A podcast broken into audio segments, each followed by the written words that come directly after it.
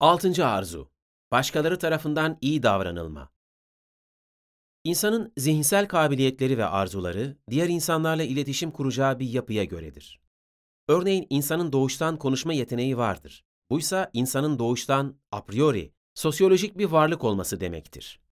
Başka insanlarla karşılaşacak kişi diğer insanlar tarafından fiziksel ve psikolojik incitmelere maruz kalmamak ister. Kısacası insanda sosyal bir varlık olarak yaratılmasından kaynaklanan doğasının gereği olarak başkaları tarafından iyi davranılma arzusu da vardır. Başkaları tarafından iyi davranılmanın koşullarını ise en iyi ahlakın varlığı sağlar. Ahlaki değerlerin rasyonel temellendirilmesi ise ancak Allah'ın varlığıyla mümkündür. Burada rasyonel temellendirmesi vurgusuna dikkat edilmelidir. Elbette Allah'a inanmayan ama insanlara zarar vermeyen, ahlaki açıdan iyi insanlar olduğu gibi, Allah'a inanıp da insanlara zarar veren, ahlaki açıdan kötü insanlar da vardır. Fakat burada savunulan insanların söz konusu arzularının ahlaki bir sistemi, bununsa rasyonel temellendirmesinin Allah'ın varlığını gerektirdiğidir.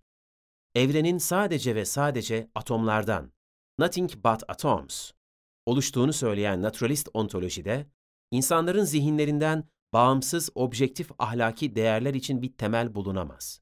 Nitekim ünlü ateist filozof Sartre da buna dikkat çekmiştir. Tersine varoluşçu Allah'ın var olmamasını olağanüstü seviyede can sıkıcı bulur, onunla beraber değerlerin rasyonel temelini bulacağımız bir temel de tamamen kaybolur. Sonsuz ve mükemmel bir bilinç onu düşünmediği için artık a priori olarak bir iyi kalmaz. Artık hiçbir yerde iyinin varlığı veya birinin dürüst olmasıyla yalan söylememesi yazılı değildir. Çünkü artık sadece insanın var olduğu bir düzlemdeyizdir. Dostoyevski'nin bir zamanlar dediği Allah yoksa her şey mubahtır ifadesi varoluşçu için başlangıç noktasıdır. Gerçekten de Allah yoksa her şey mübahtır ve insan sonuç olarak sahipsizdir. Allah'ın inkar edilmesinin ahlakın rasyonel temellendirmesini imkansız kılacağını diğer ünlü bir ateist filozof Nietzsche de görmüş ve bunu birçok yerde ifade etmiştir.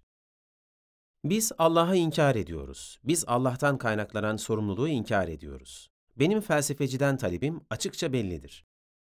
Pozisyonunu iyinin ve kötünün ötesinde belirlemesi ve ahlaki yargının üstüne çıkması. Bu talep açık ve seçik olarak ilk benim ortaya koyduğum, hiçbir ahlaki gerçeklik olmadığı anlayışının gereğidir.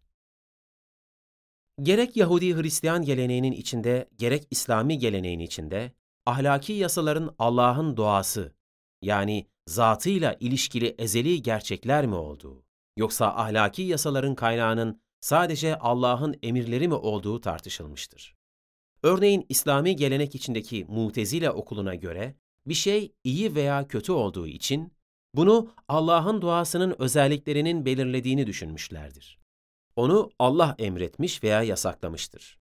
Eşari okuluna göre ise bir şeyi iyi veya kötü yapan sadece Allah'ın emirleridir. Felsefede bu konu Ütipro ikilemi başlığıyla irdelenmiştir. Tek tanrıcı dinlerin içindeki bu farklı iki yaklaşım, ahlak deliliyle ilgili kimi yaklaşımlarda bir fark oluşturabilir. Ama buradaki yaklaşım açısından bir fark oluşmamaktadır. Burada temel arzunun ahlaki bir yapıyı, bu yapının rasyonel temelinin ise Allah'ın varlığını gerektirdiğini savunuyorum. Ahlaki yasaların ister Allah'ın doğasıyla ilişkili ezeli gerçeklikler olduğunu düşünelim, ister sadece Allah'ın emirlerinden kaynaklandıklarını düşünelim, her iki görüş de ahlaki yasalara rasyonel temel sağlayacaktır.